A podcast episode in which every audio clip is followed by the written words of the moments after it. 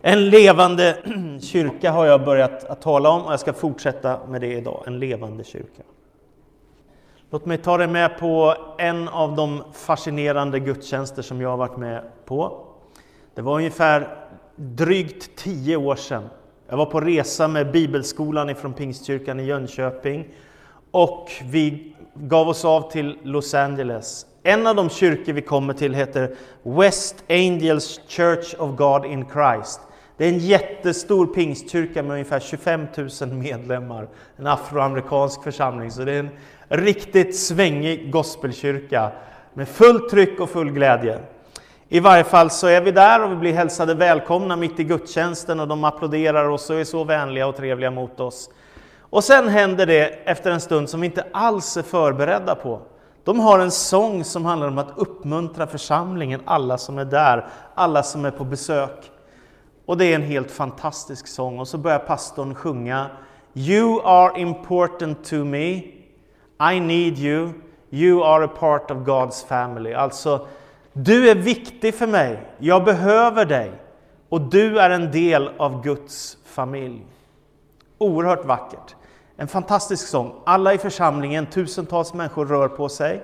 De går runt, kramar om varandra, Eh, säger goda ord till varandra, hälsar på varandra, lite olika hälsningar på det sättet. Och sen så händer det som jag är helt oförberedd på. Min bänkgranne tar tag i mina händer så här och sjunger mig rakt i ansiktet. You are important to me. I need you to survive. You are a part of God's family. Och det är totalt osvenskt, så osvenskt det kan bli och ändå en otroligt stark upplevelse. En person jag aldrig har sett innan och aldrig sett efter. Jag behöver dig. Du är viktig för mig. Du är en del av Guds familj. Och det så tänker jag om kyrkan. Tänk om vi alla kunde ha den här drömmen och visionen om församlingen. Att det skulle vara en levande gemenskap där man blir som en familj och där människor känner sig älskade, viktiga, värdefulla och inkluderade oavsett hur livet ser ut. För annars, alternativet till det, det är ju att bygga en lite mer fariseisk kyrka där halvperfekta människor, höll jag på att säga, samlas, umgås och ingen annan får vara med. Men grejen med kyrkan är ju att bjuda in människor till Jesus och att vi ska bygga familj. Det är en fantastisk vision ifrån Gud själv som han har förmedlat till oss att bygga gemenskap dit människor är välkomnade. När vi bygger kyrka, vad har vi då för människosyn? Jo, varför människor för oss är så fruktansvärt viktiga, det är därför att kristen tro har en oerhört hög syn på människan. Människan är inte bara lite biologi, utan hon är skapad till Guds avbild och likhet. Det vill säga, människan är det finaste som finns i hela skapelsen. Och därför när människor kommer till en kristen kyrka så är de så oerhört värdefulla och viktiga. Därför att det här är det finaste som Gud har skapat.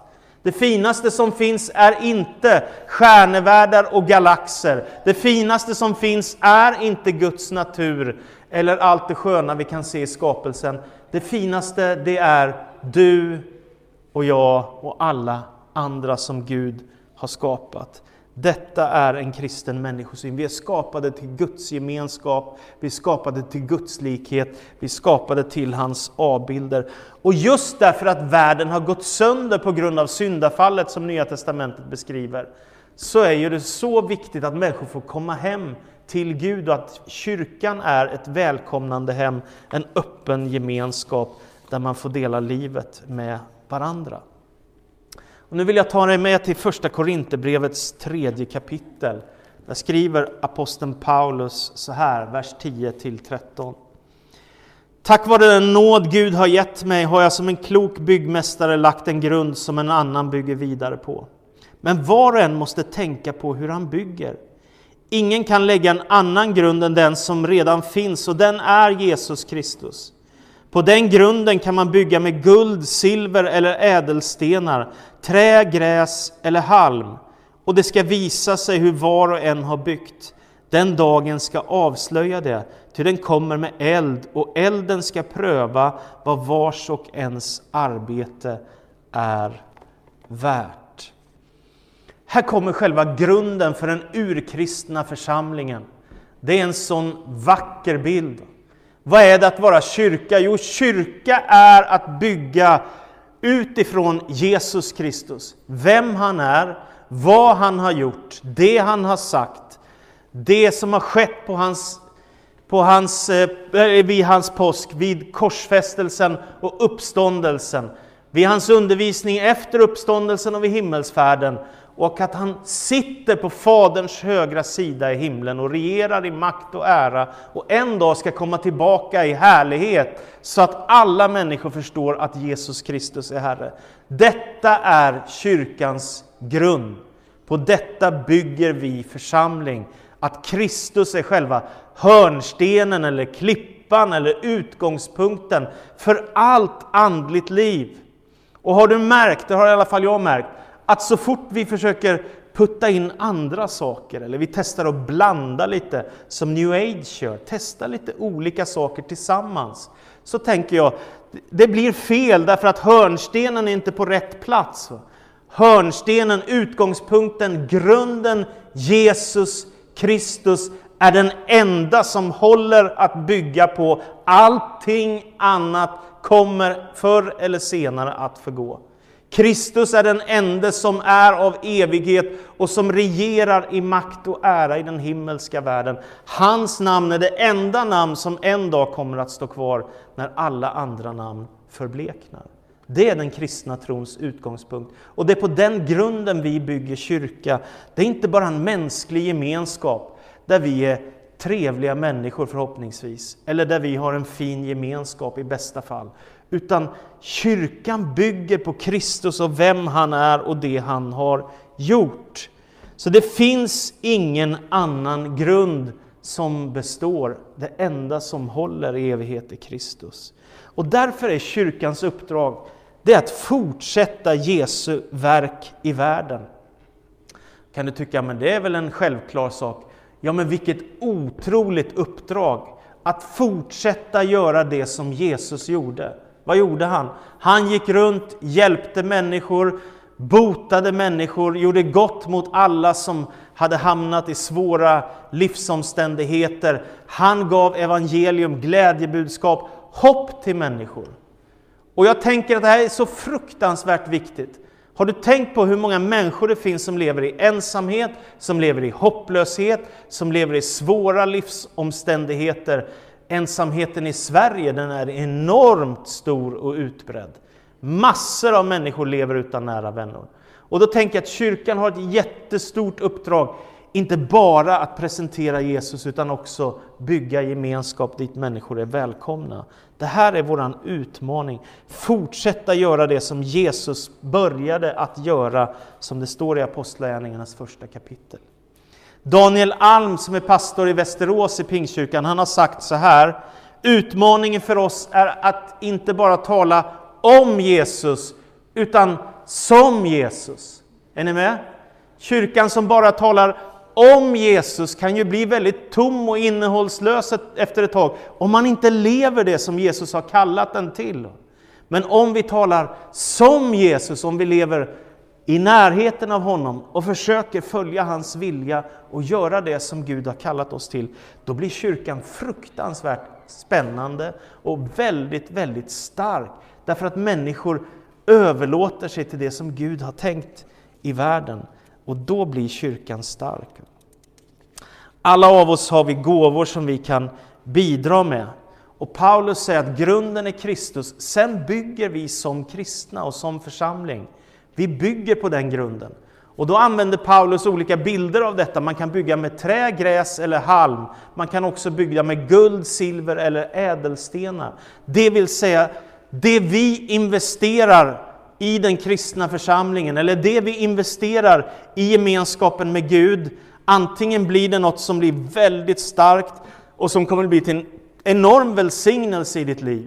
Eller också så är det så lite, så svagt, att det aldrig blir någonting av det. Det är som trä, gräs och halm och när prövningarna kommer och elden börjar brinna så bara förtärs det där. Medan guldet, silvret och ädelstenarna tål elden, tål prövningen och kan ta sig igenom. Därför är det så viktigt att vara en levande församling som möter människor där människor är. Det kan vara i svårigheter, lidande, prövningar, motgångar och så ska kyrkan finnas där som en hjälpande hand. Igår så stod vi ute på torget här i Karlstad, jag har gjort det flera gånger nu. Så nu har jag fått vittna lite om Gud, vem han är, på torget i Karlstad igår. Jag stod där ute med en mikrofon i hand. Därför att det finns flyktingar som vi inte är tillräckligt rädda om i Sverige. Lilla Sara som är 12 år gammal med sina två småsyskon och hennes familj. De har inte fått uppehållstillstånd fast de har varit här i fem år. Hon talar perfekt svenska, hon har varit på läger med oss, de kommer på språkcafé varje vecka. Och det upprör mig! Det upprör mig att vi inte är mer rädda om människor i Sverige än så. Jag tänker att vi har ett stort ansvar. Jag vet att vi inte kan hjälpa alla, men det finns människor som vi måste hjälpa. Det är min övertygelse. Kyrkan behöver vara ett stöd både för kristna och för människor som söker. Och vad är det som är viktigt då? Jag vill skicka med fem saker med dig. För det första, vi behöver vara en relevant kyrka för våran stad. Det som vi håller på med måste betyda någonting, både för de som kommer hit och firar gudstjänst, som är med i vår barnverksamhet, eller våra seniorträffar eller bönesamlingar.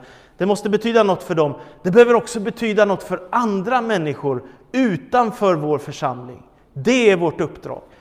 Karl Barth, teologen, han säger församlingen är till för världen. Och du vet, tänk om inte någon hade vittnat om vem Jesus är för ett antal hundra år sedan här i Karlstad, då hade det inte funnits kyrkor här, eller hur? Men när människor delar med sig av kärleken ifrån Gud och evangeliet om Jesus, då kan det få spridning överallt och det är fascinerande. Vi kan behöva möta behov, matkassar till folk som inte har mat, att möta ensamstående föräldrar kanske som har väldigt tuff omständighet och som behöver lite stöttning, att hjälpa människor i deras vardagsliv. Men det handlar ju också om att erbjuda vägen in i tron, va? alfakurser, växa-grupper som man kan få leva sitt liv i, i gemenskap tillsammans. Va? Om vi gör det så kan kyrkan betyda så enormt mycket för så många. Svante visade en video härifrån Thailand på människor i stora skaror som kommer till tro på Jesus. Det var någon som berättade för någon och så tar det skruven.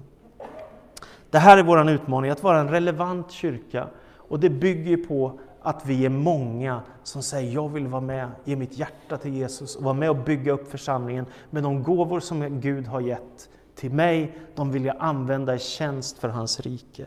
Det andra jag vill skicka med dig, en gemenskap som överskrider gränser. Och ibland så vet jag att, att eh, folk kommer till mig och säger du får inte driva det där för hårt, det blir för jobbigt. Och jag fattar. Det är inte enkelt alltid att klara att inkludera människor i sin familj eller sin gemenskap, sin växagrupp, smågrupp eller sin kyrkkaffegrupp där man träffas. Det är inte så lätt alltid, jag vet det. Ändå är detta vårt uppdrag. Och vad blir vi för kyrka om vi bara umgås med dem vi redan känner? Då blir vi en introvert kyrka för de som redan är kristna. Och så flyttar några kristna och med tiden finns det inga kvar. Va? Alltså vi måste vara en öppen kyrka som kan välkomna andra människor och hjälpa människor att finna tron på Jesus Kristus. Vår församling har ju förändrats ganska mycket de senaste fem åren. Vi har blivit en internationell kyrka. Jag tycker det är jättespännande att vi har över 20 olika nationaliteter i vår församling. Och tyvärr får ju inte alla plats nu här en sån här vanlig söndag i coronatider. Men det är fascinerande vad Gud har börjat att göra. Och vad ska hända på sikt med vår församling om vi fortsätter att vara en öppen dörr för många människor av många olika nationaliteter och personligheter och gåvor. Det blir väldigt spännande. Vi behöver också gå över gränser som kan handla om att nå andra länder med evangeliet. Just nu är det en fruktansvärd flyktingkris på Lesbos i Grekland. Det säger mina grekiska vänner att det är 20 000 människor där. Media har ju sagt 13 000. Jag har hört 20 000 nu från grekerna. Alltså det är fruktansvärt många människor som inte har någonstans att sova på ett vettigt sätt därför att det har brunnit ner det där flyktinglägret som ju var väldigt, väldigt förfärliga omständigheter att leva i. Och jag hörde från Paul Demetriades som är pastor i Thessaloniki i vår vänförsamling att det fanns 400 föräldralösa barn bland de här människorna som levde i flyktinglägret. 360 av dem är nu förflyttade till Thessaloniki och tänk om vi skulle kunna få göra en insats för de barnen. Tänk dig att vara 7 till 15 år i ett flyktingläger utan att kunna ta sig någon som helst stans instängd bland tusentals andra. Vi har ett uppdrag att gå över gränser. För det tredje, ledare och lärjungar på väg. Det här har vi betonat i vårt ledarskap sista tiden. Det är en utmaning för oss att växa i vår tro på Kristus. Att mogna som kristna och att klara av kanske att ta ledaruppdrag och våga gå vidare med det som Gud har lagt ner just i ditt liv. Med de gåvor och den kallelse som du har, med den längtan som du har i ditt liv. Våga utmana dig själv att vara på väg. Det är väldigt lätt att köra fast, att det bara blir som det alltid blir och att vardagen bara rullar på. Och därför är det viktigt att utmana sig själv. Hur kan jag växa i min kristna tro? Hur kan jag fördjupa mig i bibelordet? Hur kan jag fördjupa mitt böneliv? Hur kan jag växa tillsammans med mina syskon i tron i en smågrupp eller en växagrupp? Hur kan vi dela livet på ett sådant sätt att jag faktiskt blir starkare i min tro, att Gud kan använda mig med de gåvor som han har gett till mig. Rick Warren han skriver så här, om du inte är engagerad i tjänst, vad har du för ursäkt? Abraham var gammal, Jakob var osäker, Lea var ful, Josef var misshandlad, Mose stammade, Gideon var fattig, Simson var beroende, Rahab var omoralisk, David begick äktenskapsbrott, Elia ville ta livet av sig, Jeremia var deprimerad, Nomi var änka, Johannes döparen var minst sagt excentrisk, Petrus var impulsiv och hetlevrad, Marta oroade sig mycket, den samariska kvinnan hade flera misslyckande äktenskap bakom sig, Sakaios var impopulär, Thomas tvivlade, Paulus var klent i hälsan, Timoteus var blyg, det var stor variation på deras brister, men Gud använde var och en av dessa människor. Man kan ibland tänka att här har vi den perfekta listan av superhjältar, där ingen har gjort ett misstag, utan alla var andliga giganter och deras vardagsliv var perfekt. Det är inga sådana berättelser vi har. Vi har berättelser om människor som du och jag, men som vågade kasta sig ut i trons värld och vågade göra något för Gud som gjorde skillnad i deras omgivning. Och så finns evangeliet idag i nästan hela världen. Det är fantastiskt. Det fjärde, en kyrka för alla generationer.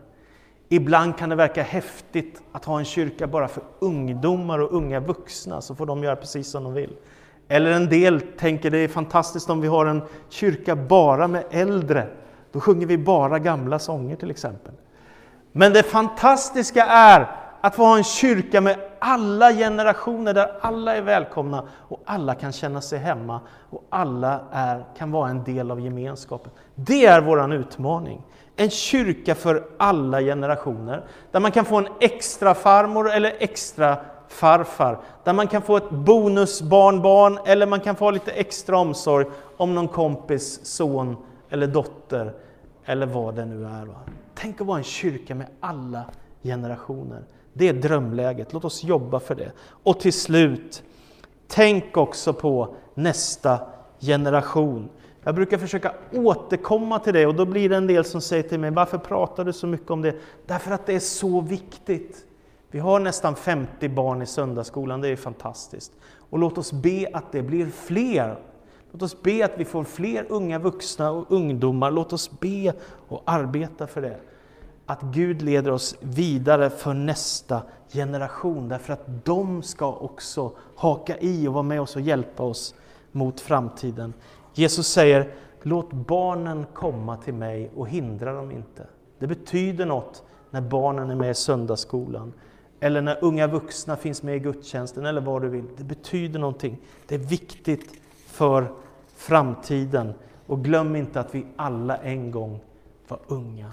Ska vi bygga en levande kyrka så behövs det många människor som säger här är jag, jag är med, jag ger mitt hjärta, jag ger mitt liv och jag ska använda mina gåvor som jag har fått för Guds rike. Amen. Så tackar vi dig Jesus Kristus för att vi får be om att vara en levande kyrka. Engagera oss för människor, bry oss om de som har det svårt. Tack för familjer, tack för barn och ungdomar, tack för äldre och medelålders, att vi tillsammans får bygga kyrka.